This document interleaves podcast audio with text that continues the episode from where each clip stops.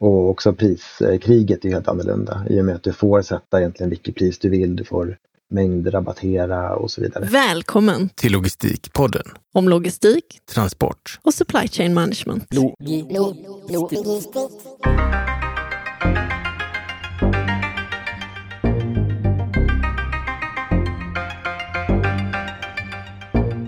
Varmt välkomna till dagens avsnitt av Logistikpodden där vi ska få lära oss allting om hur det funkar med e-handel av vin på nätet.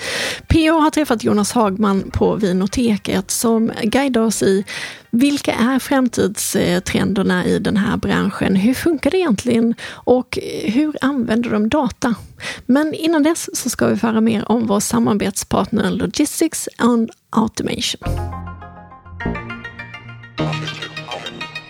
Då säger vi varmt välkomna till våra samarbetspartners Logistics and Automation eh, som kommer gå i Stockholm till hösten 4-5 oktober. Eh, förra gången så fick vi höra lite om eh, vad man kan förvänta sig som besökare och det ska vi fördjupa oss i ännu mer den här gången. Vi har med oss Linnea och Rickard som ska prata lite om vilka trenderna är och varför man har bjudit in de talarna man har och de utställningar som finns på plats. Ja, hej! Eh, ja, logistikbranschen står inför många utmaningar. Vi har ju en ökad efterfrågan, komplexitet i leveranskedjan och hållbarhetskrav. Eh, trender inkluderar ju automatisering, det är AI, dataanalys, eh, fokus på e-handel. Eh, och eh, här spelar ju Logistic Automation-mässan en viktig roll för att på plats så presenterar vi lösningar och trender inom logistik och automation. Eh, det är en plattform för att eh, uppleva innovativa produkter och tjänster och såklart ett nätverkande och kunskapsutbyte och adressera branschens utmaningar. Detta har vi tagit med oss eh, egentligen genomsyrar hela mässan, alltifrån våra utställare och till vårt seminarieprogram som är Eh, på en öppen scen som ehm, eh, ligger mitt på mässgolvet och eh, som kommer ha massa branschexperter som pratar om alla de här utmaningarna och trenderna som vi ser i branschen. Och vi har utformat eh, vårt scen och seminarieprogram ehm, och noga övervägt de aktuella trenderna och utmaningarna Eh, och vårt mål är att erbjuda en, en balanserad mix av ämnen och talare som kommer att ge besökarna en djupgående och engagerad upplevelse. Kan ni ge några exempel på vilka som kommer vara där och tala eller vilka utställare jag kan förvänta mig som besökare och hitta på golvet? Ja, men det är ju, det är viktigt när det kommer till utställare. Det måste ju också genomsyra med, med hela mässan så att det blir intressant för besökarna att komma, självklart. Eh, och vi har en hel del stora utställare som är klara idag och det är Element Logic, bland annat Brothers, Sotai, Lowpad, EAB, Young Heinrich, Toyota Material Handling när det kommer till de här stora truckarna bland annat. Eh, FH Bertling inom transportsektorn, Constructor för lagerhantering. Eh, sen har vi en eh, nykomling, en som ställer ut för första gången. Det är Newcold. Det är en eh, stor spelare på den globala marknaden när det kommer till eh, kyl och fryslagerlösningar tack vare deras eh, automatiserade system så, och eh, deras innovation så har de den positionen på, på marknaden. Så det ska bli eh, jättespännande att höra vad de här kommer att eh, säga och ställa ut med för saker. Och eh, Linnea, du kan väl berätta lite mer om vilka som kommer tala? Ja, absolut. På scen så har vi ett ett, ja, men ett antal eh, talare. Men några som du kommer kunna lyssna till på logistikscenen är eh, Tobias Schelin från Boost. Vi har eh, Sofia Thunberg som är robotutvecklare och kognitionsvetare. Vi har Per-Olofs från Einride som kommer tala. Eh, vi har även Uni Sallnäs från Linköpings universitet. Så det kommer bli en salig blandning och eh, jag tror det finns någonting för alla att lyssna till och inspireras av i vårt eh, seminarieprogram. Så missa inte det. Jag tycker den här modellen med en scen mitt på golvet eh, är väldigt bra. Eh, för att den, den skapar ett myller och den skapar en nätverkseffekt som kanske är svår att uppnå om man har ett separat seminariespår i ett inlåst rum till exempel. Till skillnad från när det är mitt på ett golv. Och eh, jag antar att ni har funderat en hel del på det här och varför ni har gjort de här olika valen att ha det på det sättet. Ja precis och precis som du säger så en mässa är ju till för att nätverka för att få de här samtalen, kunna klämma och känna och kunna ställa alla de frågorna som du, du kanske inte kan på de här digitala mötena eller, när man, eller sådär. Så att vi har allting eh, på mässgolvet, utställare, eh, vi har en arbetsyta, vi kommer ha våran öppna scen. Eh, så att eh, kanske inte du eh, sitter och lyssnar på hela samtalet. Du kanske går förbi och så ser du, men här är någonting intressant. Även sen när, när talaren har pratat klart så finns det chans att eh, kunna träffa den och ställa sina frågor och prata. Så det blir väldigt kvalitativt, vilket vi som jobbar med mässor älskar. Det tycker jag är väldigt, väldigt roligt när man har hållit ett föredrag, att det kommer fram intresserade eh, åhörare och pratar vidare. Det är något av det roligaste jag vet. Eh, när man är ute och, jag är ute och, och pratar mycket och jag ska ju prata på den här också, som sagt var, fast i min andra roll då. Och eh, nej, det ser jag fram emot väldigt mycket. Eh, och eh, också att få träffa de här utställarna, för det är ju ganska stora namn som ni har fått in, vilket jag tycker också är Eh, visar på att det kommer att hända eh, en hel del bra saker på den här mässan. Eh, tack vare att du har en kritisk massa av eh, aktörer på plats. Det här med att man kan vara spontan eh, tycker jag är jättehärligt för man kan ju verkligen gå förbi någonstans och höra något som man kanske inte hade tänkt från början att man skulle lyssna på men som man fångas av just där och då. Och jag tänker att det är säkert är många som lyssnar och hör både utställarnamn och föreläsare som de gärna vill besöka. Hur gör man rent praktiskt som besökare om man vill besöka eh, Logistics and Automation? Ja, eh, det enda du behöver göra det är att hämta din kostnadsfria mässbiljett och eh, det finns en länk till den här i beskrivningen till podden. Och då har vi även ett erbjudande idag och det är att du kan klicka i koden i registreringen som är 5010. Så då när du kommer till mässan den 4, till, eh, 4 eller 5 oktober så får du en gratis lunchbiljett. Hur bra är inte det? Vem tackar nej till en gratis lunch? nej, men det låter ju fantastiskt. Och eh, med det eh, vill vi för den här gången tacka eh, Logistics and Automation eh, för att ni hjälper oss att sprida kunskap och inspiration om logistik och transport och supply chain management. Vi kommer att träffa er ytterligare en gång och då är det nästan dags för mässan. Och då kommer vi att prata lite grann om vad man som besökare kan förvänta sig när man kommer innanför dörren. Så att eh, tills dess, eh, tack så länge. Tack. Jag heter Jonas, Jonas Hagman och jobbar som eh, systemutvecklare på vinoteket.com. Och, och Vinoteket, för de som inte vet då, eh, vad är Vinoteket? Ja, vinoteket är en vinhandel för eh, folk som gillar vin. Vi finns i både Sverige och Danmark och erbjuder hemleverans av kvalitetsviner egentligen. Så e-handel av vin, men, men jag antar att många som lyssnar här aldrig har provat det och undrar, är det verkligen lagligt? Eh, självklart eh, är det det, annars hade vi inte pysslat med det. Men eh, många frågar det och eh, det är ingenting som vi normalt skriver i vår kommunikation, så här, ja det är lagligt. För att det hade varit det hade känts lite konstigt att, att skylta med det och, och, ha det som en första syn när man ser oss. Men, men självklart är det lagligt. Och, och vad är det då? Är det EUs lagstiftning som gör att det är lagligt eller vad är det som gör att det faktiskt fungerar? Ja, exakt. Det är handelsfriheten i EU. Där eh, egentligen så är Systembolaget eh, eh, ett monopol som har undantagstillstånd för att ha det i EU. Men i och med att vi har fri handel i EU så får man skicka varor och det är egentligen bara Finland och Sverige som har undantagstillståndet. Så att Systembolaget är egentligen inget monopol längre då?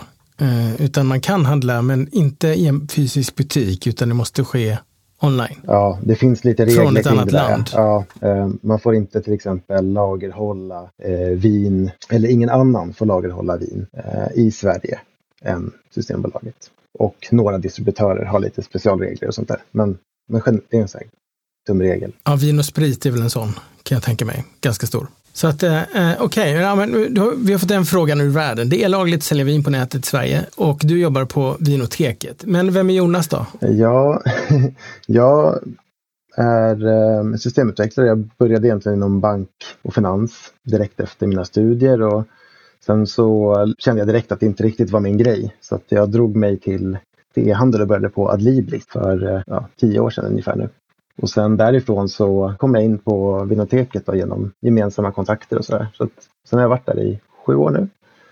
Var med och utvecklat Vinoteket från att vara en telefonförsäljartjänst för, för många år sedan till eh, renodlad e-handel som det ser ut just nu.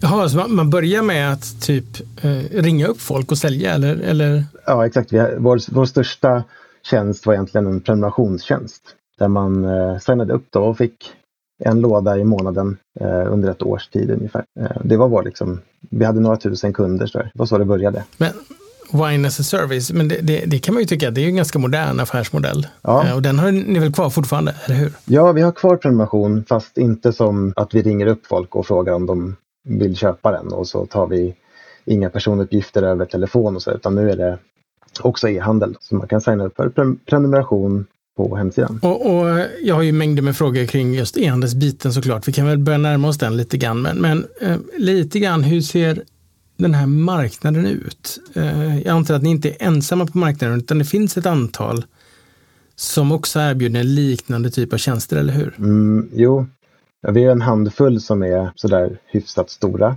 Och när jag säger stora så är vi fortfarande pyttesmå om man jämför med Systembolaget. Då.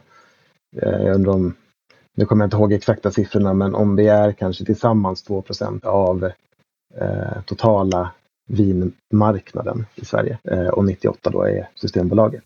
Och då pratar vi bara vin, inte öl, inte starksprit, inte något, något annat? Då pratar vi vin. Just det. Eh, är det olika regelverk förresten för olika typer av alkohol? Eller varför har ni specialiserat er på, eh, specialiserat er på vin just?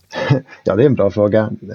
Men det är inte olika regelverk, eh, förutom att det är olika skatter och så vidare. Men eh, vin är en ganska trevlig produkt. Sådär. Den, är, den har ett, en ganska hög vad säger man, samhällsstatus. Folk gillar att nörda ner sig i, i, i vin. Eh, man dricker det ganska regelbundet till, till mat och eh, trevliga tillfällen. Och sådär. En ganska fin sällskapsdryck. sådär. Till skillnad från många andra drycker som kanske är lite mer konsumtionsvaror och sånt där. På ett liksom, annat sätt. Mm, ja, men jag förstår. Och, och det, det, går att bygga content runt vin också väldigt, väldigt mycket. Precis samma sätt som man kan bygga content runt brun sprit. Eh, det, det, är lite grann. ja, men exakt. Man kan nörda ner sig hur mycket som helst i vilken typ av ek var det i det här fatet. Eh, och när skördades den här råvaran och så vidare. Eh, och, och, jag antar att det där går att bygga ganska mycket community runt när man pratar vin. Att det inte bara är en postordersida utan att det går att bygga ehm, ganska mycket, vad ska man säga, kunskapsbaserat material. Det gör det. Ehm, vi, vi, vi har inte varit så duktiga på det, men eh, vi jobbar på att bygga vår, ut vårt content dagligen. Och också göra det lite, lite roligare och lite mer eh, dynamiskt och tilltalande för, för de flesta. Och lättläst också. Ehm, vi försöker dra ner den här, du vet, när det kommer till specialisering av vad som helst, men man drycker vin, whisky, allt sånt där. Det är mycket ord man slänger sig med som kanske är svåra att förstå. Så en, en grej som vi vill göra är att liksom ta ner det lite på marken och säga, men vad betyder det här faktiskt och förklara med lite enklare termer så här, för att det ska bli kul med vin för någon som inte har pysslat med det tidigare. Om man nu säger då, Ehm, du har ju varit med eh, inom e-handel tidigare på Adlibri, så det är ju en mer traditionell e-handel. Man kan säga att vin är ju standardprodukt, även om det eh, har olika årgångar och så vidare, men det är en commodity ändå. Ehm, vad skulle du säga Finns det några likheter eller skillnader som är påtagliga mellan att eh, till exempel sälja böcker online eller sälja vin online? De största lik, eller jag ska säga att eh, all e-handel är ganska lik på många sätt och vis. Eh, man, man rör sig med samma typer av problem när det kommer till logistik, när det kommer till ehm, marginaler, hur ska man hur räknar man det? Vad är en bra order? Vad är en dålig order? Det, det är sam, samma tänk. Det är, bara egentligen, ja, det, det, är egentligen bara olika produkter. Tyngden skiljer sig lite eh, just i det här fallet. Men jag tror att man rör sig med exakt samma problem i, nästan hela elhandelsvärlden så länge det är vanligt stora produkter. Är det inte också lite mer byråkrati? Eller är det något jag fått för mig bara? Koppla, när, när man ska skicka alkohol över gränsen till ett annat land, då, då in, det ingår eh, liksom ett antal papper som måste med. Ja, alltså jo, lite så är det. Men, men eh, när man har det på plats är det inte jättestor skillnad, ska jag säga. Eh, du, du, måste ju, du måste söka alkoholtillstånd och lite sådana här saker. Du, du måste ha tillstånd att sälja alkohol, eh, alkohol som detaljhandel. Ja, just det. Och det får inte vem som helst, utan då måste man visa att man gör det på ett ansvarsfullt sätt och allt sånt. Ja, exakt. Man ska ansöka om det. Så det är skillnad. Men, men när det kommer till om vi pratar likheterna, då är det ju mest flytta en vara från punkt A till punkt B. Och, och den, jag ska säga att det är ingen skillnad på, på vin och böcker eller sportartiklar. Men har ni ett eget lager? Eller hur funkar sourcingen här? För att eh, jag kan tänka mig att Adlibris har ett ganska stort eget lager. Där man ligger på många produkter. Sen att vissa saker dropshippas och sådär. Men, men är det samma sak med vin, att ni ligger själva på ett lager? Eh, vi har ett e-, eget lager med 98 procent tror jag av alla produkterna vi har just nu är som vi har köpt direkt från leverantörerna.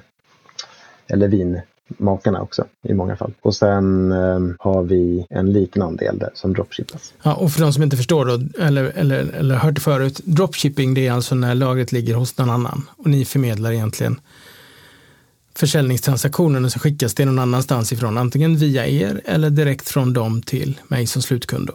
Ja, exakt. Eh, alla våra produkter skickas via oss, så att även våra dropship-produkter idag i alla fall. Ehm, vi håller på att utvärdera det förstås, men idag så går alla produkter från även dropship-leverantörerna till oss och så packar vi det i våra egna lådor och skickar vidare.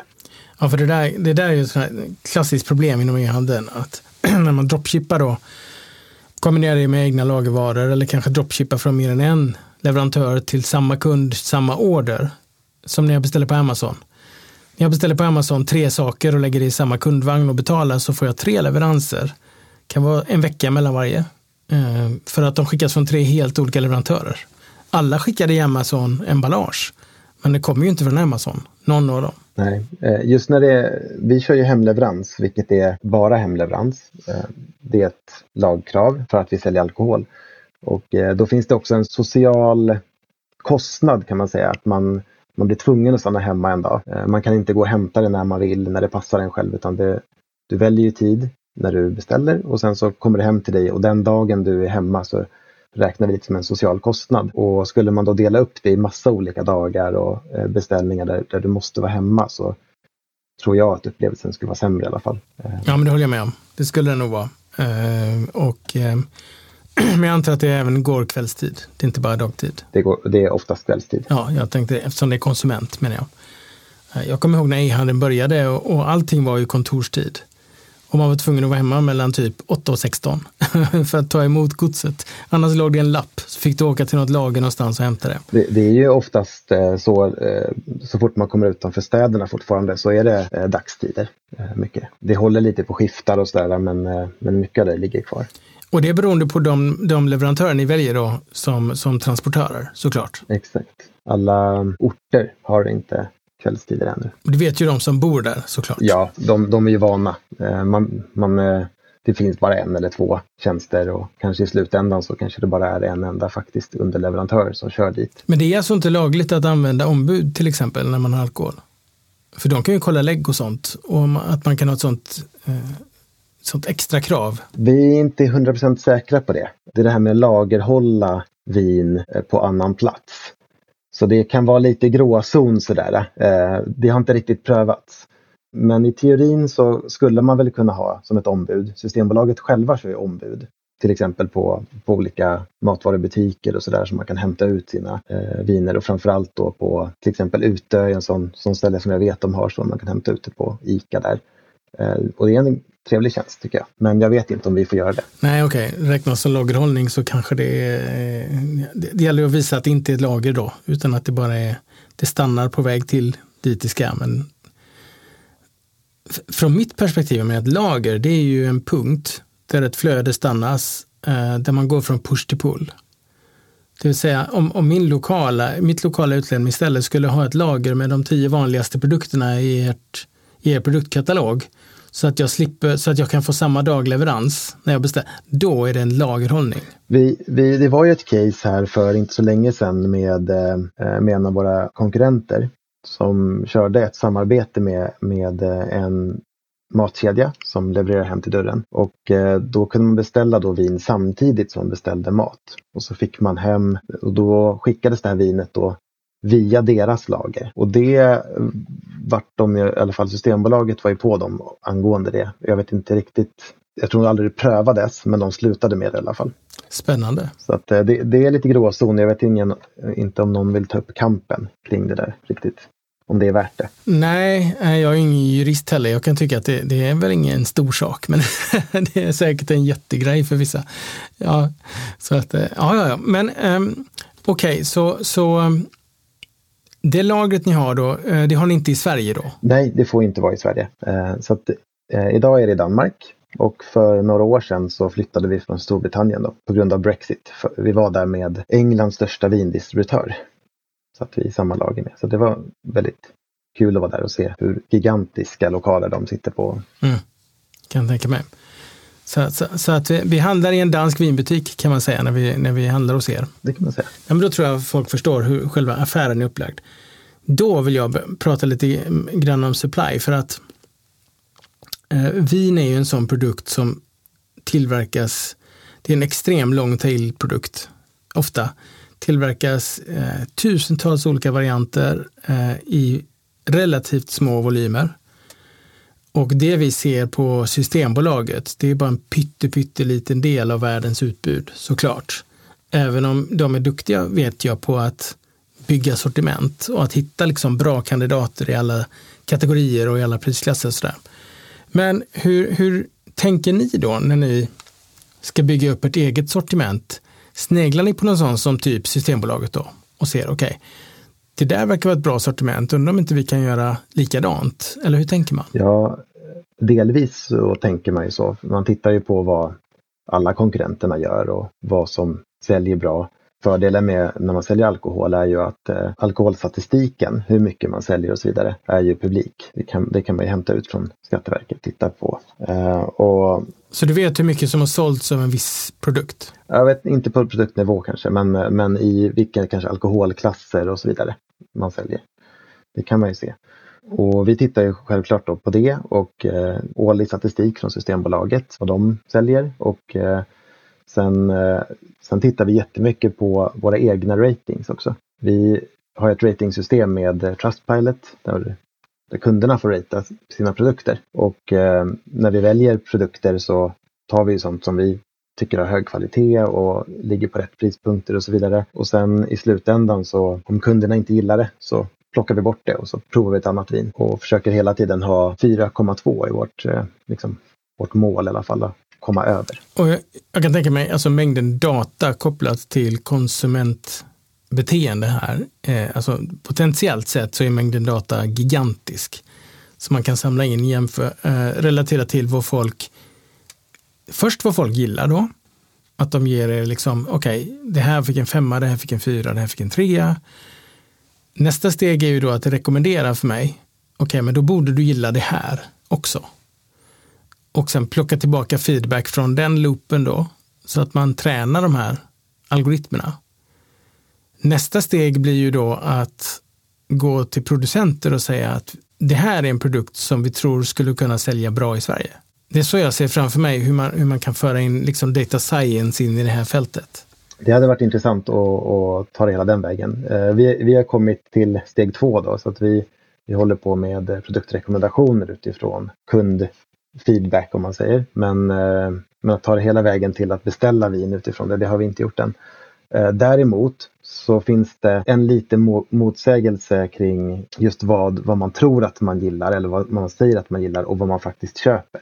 Eh, vilket är en ganska intressant fenomen att när man frågar en, vem som helst så säger de så här, jag gillar den här typen av vin. Men de köper inte den typen av vin för det kanske är fel prisklass eller man kanske går på det man brukar köpa och så vidare. Intressant. Så att folk, folk vet inte vad de vill helt enkelt? Ja, de vet nog vad de vill men alla kanske inte har plånböckerna till det eller, eller eh, modet att prova eh, det de säger att de tycker om. Nej men så är det ju. Alltså, eh, eh, det är väldigt stor, det är, det är flera hundra procent mellan de billigaste och de dyraste vinerna i, i pris. på en produkt som egentligen är generisk då, det vill säga, det det, rött vin är rött vin. Och att det kan vara så enormt stor prisskillnad mellan den billigaste flaskan och den dyraste gör ju också att man måste börja diskutera det här med prisvärdhet. Och, och, så att betyget blir ju relativt priset någonstans på något sätt. Och du borde gilla det här vinet för 599 kronor. Ja, det borde jag säkert, men jag tänker inte köpa den flaskan för 599. Jag tar den här för 119 som jag är van vid istället. Är det det du menar? Exakt, så är det. Um, alla, gill, eller alla som dricker bubbel gillar ju champagne här, i, i stora drag. Men det är inte så många som vill betala 300-400 kronor för en okej okay flaska champagne när man kan köpa kanske prosecco som man också tycker är gott för 150 kronor. Och på så sätt så är ju vinen en, inte en commodity då, utan det, det, det, det lajvar lite commodity, men det är ju inte det egentligen, utan vitvin eller, eller mousserande vin, det är ju tusentals produkter eh, av, med helt olika egenskaper. Och att kanske mera, mera eh, rättvist då att gruppera in dem i prisklasser. Så vi har 120 kronors viner, 160 kronors viner, 200 kronors viner och så vidare. Och att det är de man jämför med varandra för att det inte är rättvist att jämföra kanske 100 kronors vin med 300 kronors vin. Nej, på ett sätt är det ju så. Eh, men det är också så här att vad, vad, det finns ju också kvalitetsskillnad inom de här prisgrupperna och också mellan prisgrupperna. Som, det är lite det där vi är att instegspriset för ett, eh, en bra flaska vin ligger runt 100 kronor. Och sen så när man kommer upp på ja, 129-149 kronor någonstans. Då betalar man mycket mer för, för vinet om man säger. Du får mycket högre kvalitet för de kronorna du lägger extra. Och sen, sen efter det någonstans, efter 149 någonstans, då börjar du också betala mycket för brand och kan vara lite special, eh, specialtillverkningssätt eller um, andra saker som kanske inte har direkt med produkten att göra. Sen finns det ju undantag förstås när, när saker lagerhålls längre och så vidare. Men de här vanliga förbrukningsvinerna som man ska dricka inom två år i alla fall. Alltså det är en slags S-kurva, att det finns ett spann där runt 150 spänn där man får rätt mycket bang for the buck då, Exakt. om man går upp en tia. Ja. Liksom. ja, jag förstår. Jag förstår.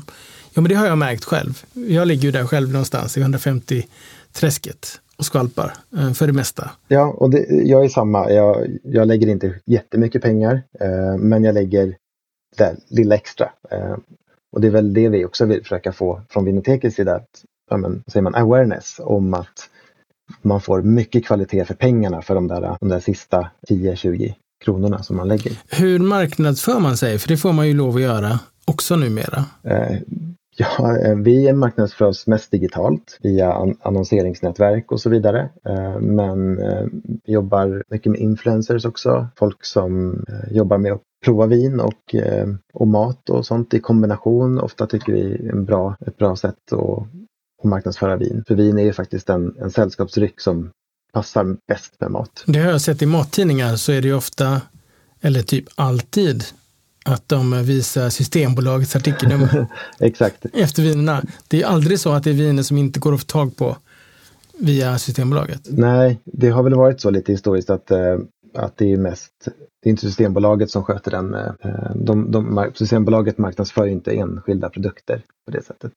Utan det är ju eh, importören då som gör det åt Systembolaget. Eller åt sig själva på ett sätt eftersom att de, de får en del av den kakan. Ja, men det är klart. Eh, jag tänker om man går och läser Automat till exempel så har de vinspecial. Sommarens bästa lådviner eller sommarens bästa, vad vet jag. Och så har du en lista på 10-15 viner Eh, med betyg och recensioner och allt sånt. Och alla viner har ett artikelnummer från Systembolaget bredvid sig. För jag antar att ni säljer inte, de produkterna man kan köpa på Systembolaget kan man inte köpa hos er, antar jag? Uh, oftast är det så. Vi har väl några undantag där vi, där vi överlappar produktutbud och sådär. Vi har valt att ta in några produkter där, där eh, ja, men brand är viktigt till exempel. Men, men gärna där vi kan konkurrera med pris också. Eller där vi, där, där vi blir mycket dyrare så är det inte så värt att, att ha de produkterna. Nej, så det ni erbjuder är ju då ett alternativ till Systembolaget? Exakt. Vi vill ju inte, vi vill inte konkurrera på de produk produkterna och de prispunkterna där de är bäst vi vill ju konkurrera på, på de produkterna där vi är bäst. Det vill säga lite över eh, inköp egentligen. Eh, eller insteg. Just det.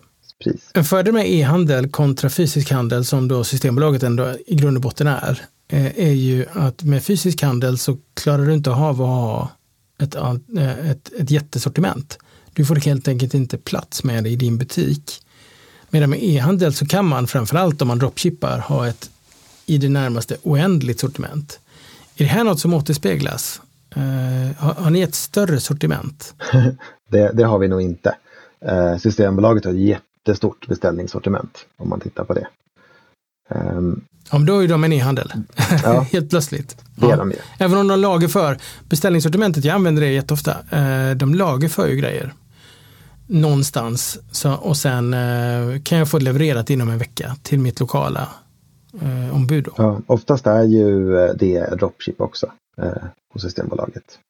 Att de har det med sina underleverantörer då som, som lagerhåller och även skickar de här vinerna. Intressant. Så liksom, räknar man in det, då är vi pyttesmå, eh, både sortimentmässigt och sådär. Men eh, det är väl någonting vi håller på att kika på eh, också. Att kunna ta in flera stora eh, internationella leverantörer också som, som vi kan dropshippa eller ha som backorders med eh, hyfsat snabb leverans i alla fall. Jag tror vi ligger på, på under veckan i alla fall när det kommer till de dropship vi har idag.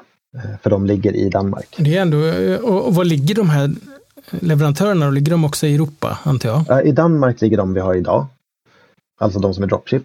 Och eh, vi håller på att utvärdera andra stora som finns i Tyskland och, och Frankrike och Italien. Och jag antar att i andra länder så är e-handel av vin en ganska enkel sak jämfört med i Sverige. Alltså att det har funnits länge och det är inte olagligt och, och det är ganska naturligt. Både ja och nej. Det är ganska klurigt. Eh, till exempel om man tar Danmark då som är vår andra marknad som vi har bäst koll på.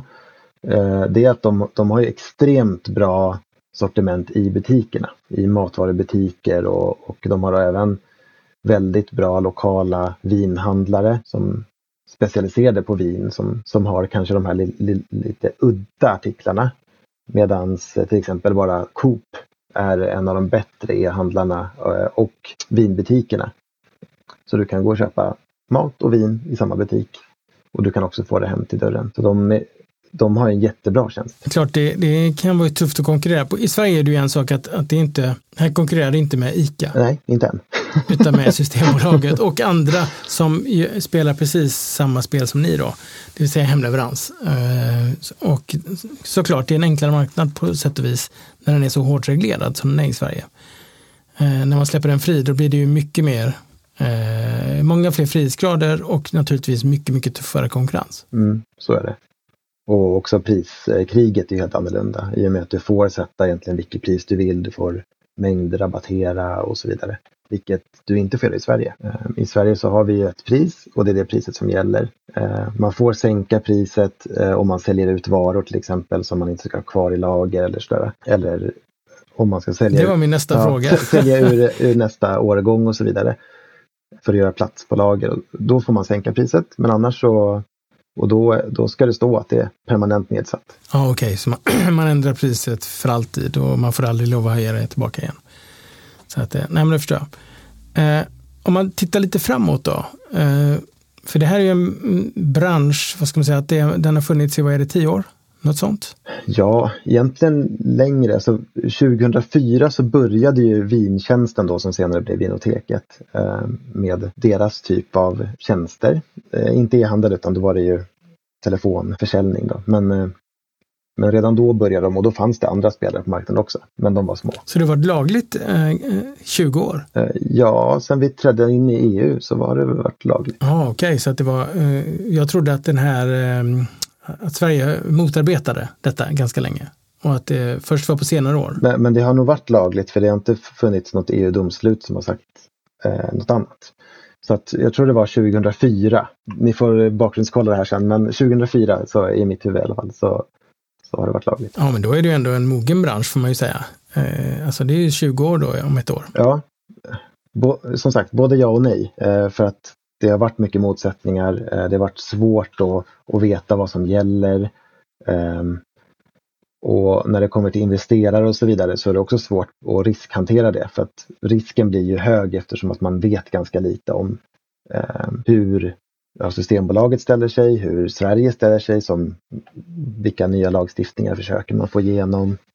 Vi har ju sett, eh, vi som följer eh, alkohollagstiftning och debatter och sånt, eh, det här med gårdsförsäljning som varit aktuellt här eh, under våren. Det är ju två, två läger där det, det är liksom vi ska bara ha Systembolaget mot den andra sidan som vill lätta upp lite grann och göra det lite lättare för att man ska kunna köpa med sig en flaska från en svensk producent eller sådär när man, när man ändå är på gården och tittar hur de gör och sådär. Så man får säga vad man vill om det där men, eh, men det är, det är en het debatt. Det är en het debatt. Det är en het debatt och den är inte klar än. Jag vet att det, det, det var en valfråga bland annat eh, i förra valet. Så att, eh, jo, men eh, personligen kan jag tycka att det är jättetrevligt. Jag menar, jag bor i Halland, här har vi flera vinbönder och bryggerier och sånt.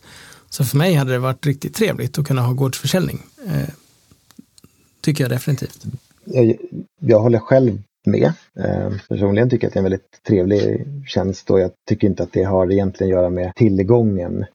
Liksom, hur lätt är det att få tag i alkohol som är väl Systembolagets liksom, huvudfråga. Att göra det lagom lätt att få tag i alkohol. Och den, den, tycker inte jag spelar in riktigt. Men, men frågan är inte riktigt angående det utan det är snarare men om vi börjar lätta upp på saker finns Systembolagets eller rätt, kan man rättfärdiga Systembolaget i EU då? Det är väl där skon klämmer lite.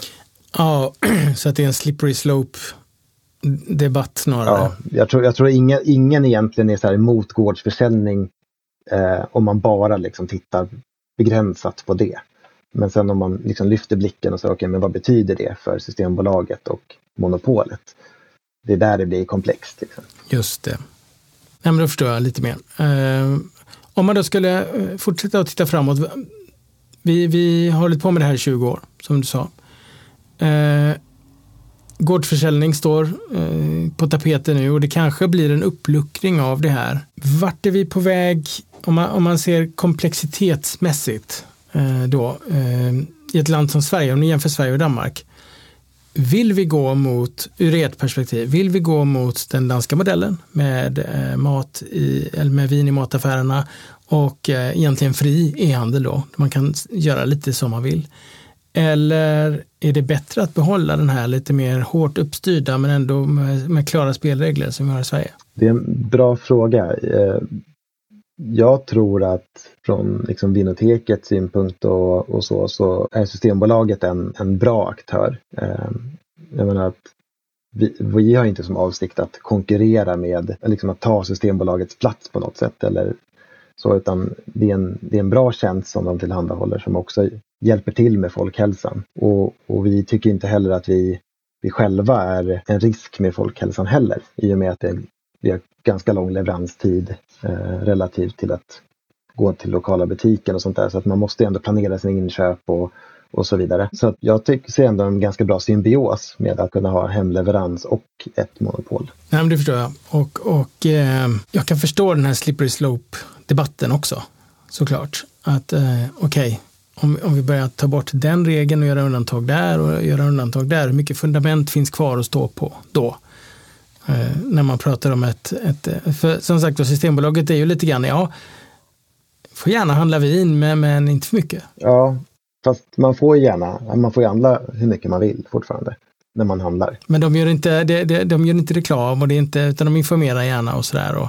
Det finns en låda man kan ställa tillbaka om man ångrar sig vid kassan och, och eh, jobbar mycket med kunskap och sådär. Det tycker jag är ganska bra. Och, och, jag måste säga att den hjälpen man får när man är på Systembolaget är ofta väldigt, väldigt bra. Det var väldigt bra service tycker jag. Jag brukar alltid fråga någon där. Eh, om de har fått in något roligt nytt som man kan prova eller sådär. Utan jag gillar att utforska också. Så att det är kul, kul att komma dit och sen kolla på temporära hyllan om det finns något spännande där som har kommit in eller sådär. Så att, och, det, och det är väl lite fördelen med, med ett monopol också. Du får lite omsättning på grejer, du får, eh, får in bra saker, du, får, du har bra priser.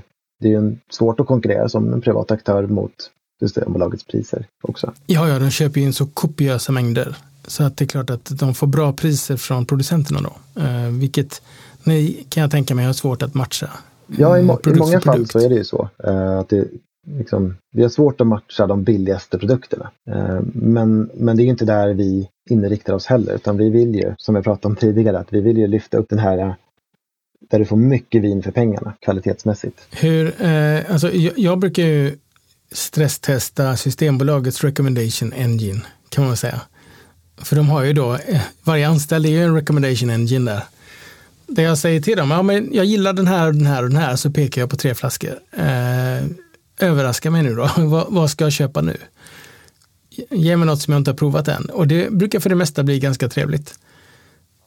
Eh, och, och eh, en annan typ av recommendation engine, eller vad ska man säga, det är ju det vi är på väg in i nu med det här med generativ AI och, och hela den här biten.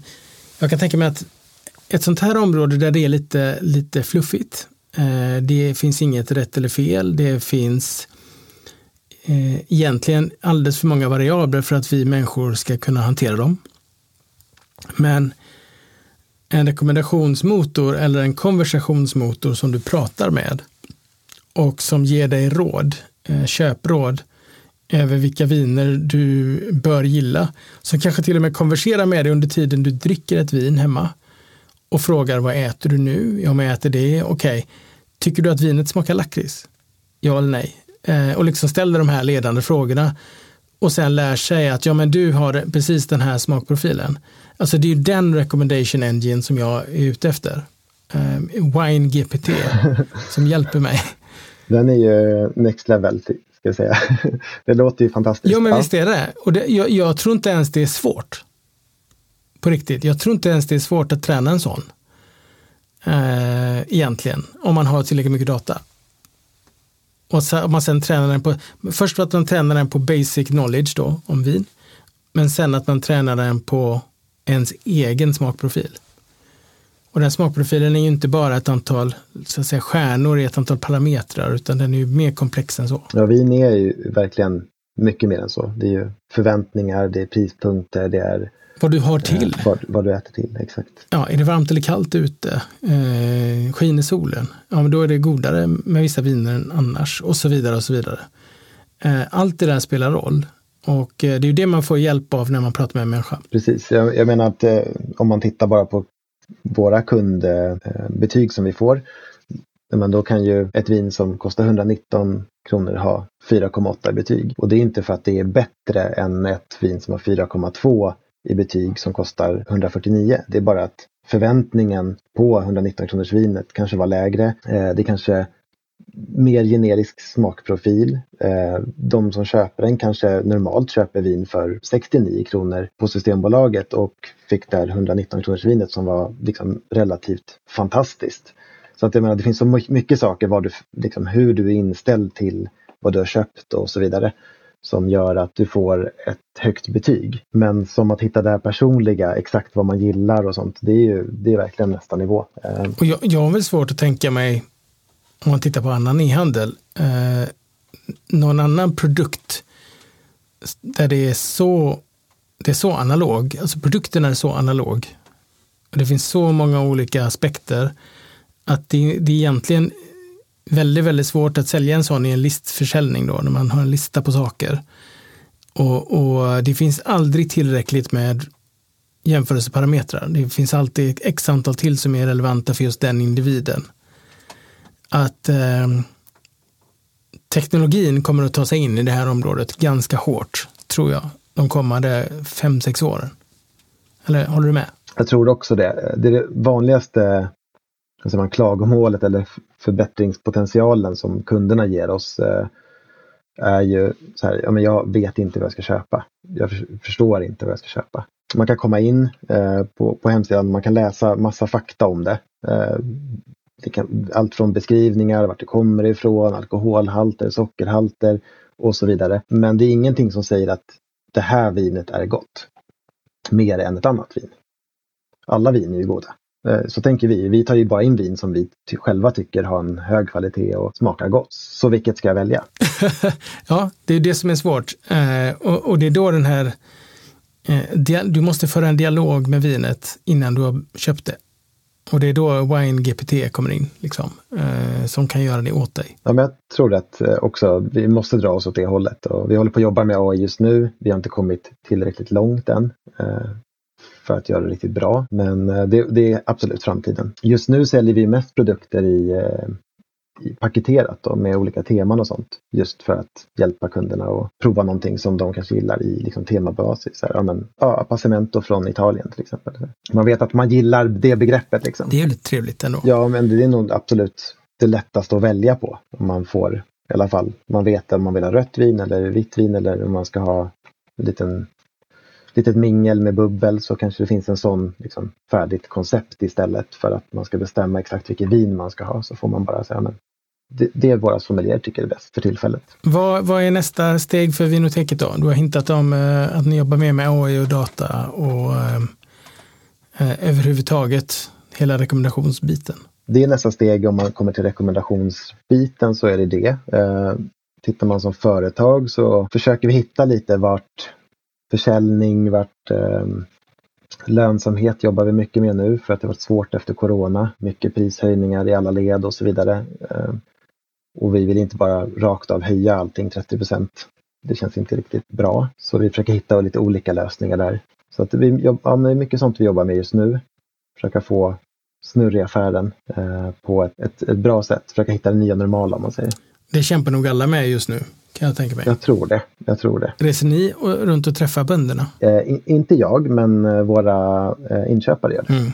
Så, så, att ni, ni, ni, får reda på hands-on att det har varit kostnadsökningar i alla led så att säga? Ja, eh, in, inte alla våra produkter förstås, men eh, där vi jobbar med producenterna direkt då, utan mellanhand så vet vi, eller det får vi höra från alla ändå. Eh, glas eh, har ökat, dyrare att framställa vinet, det är dyrare med transporterna. Men, men det här med transporter, det måste ju kosta också, eller hur? Ja, det är den dyraste kostnaden, just eh, från lager ut till kund, det är den absolut dyraste kostnaden som vi kämpar med.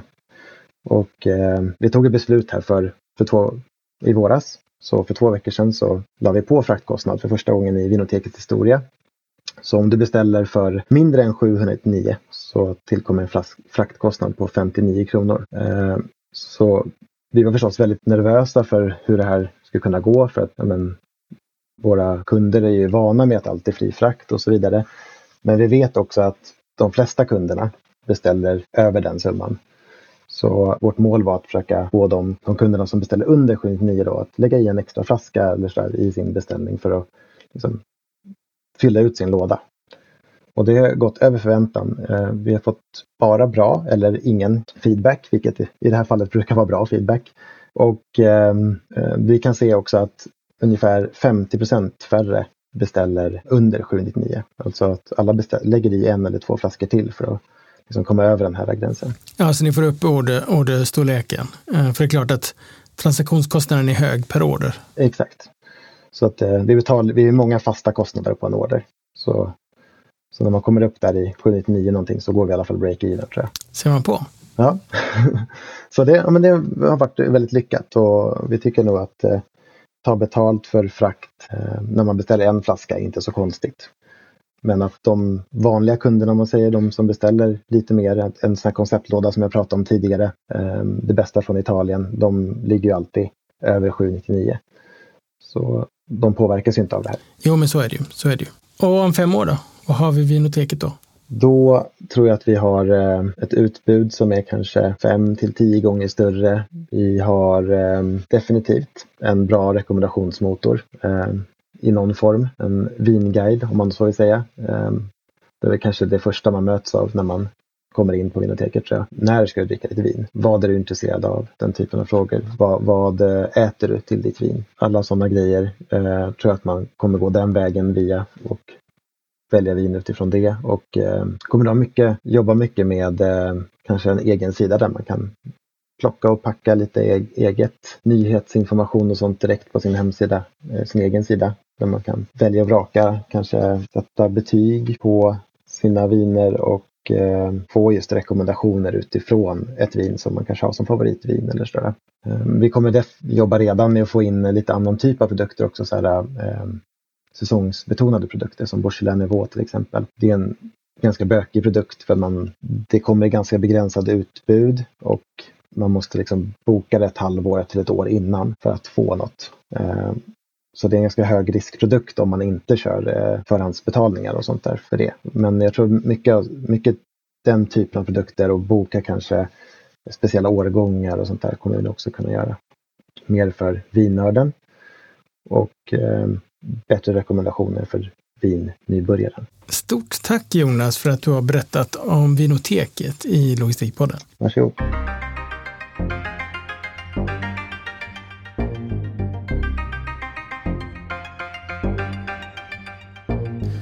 Varmt tack för att du har valt att lyssna på Logistikpodden. Vad tyckte du om det här avsnittet? Följ oss på LinkedIn. Där kan du också gå in och kommentera och diskutera vidare med andra logistikintresserade personer. Så missa inte det. Vi ses där.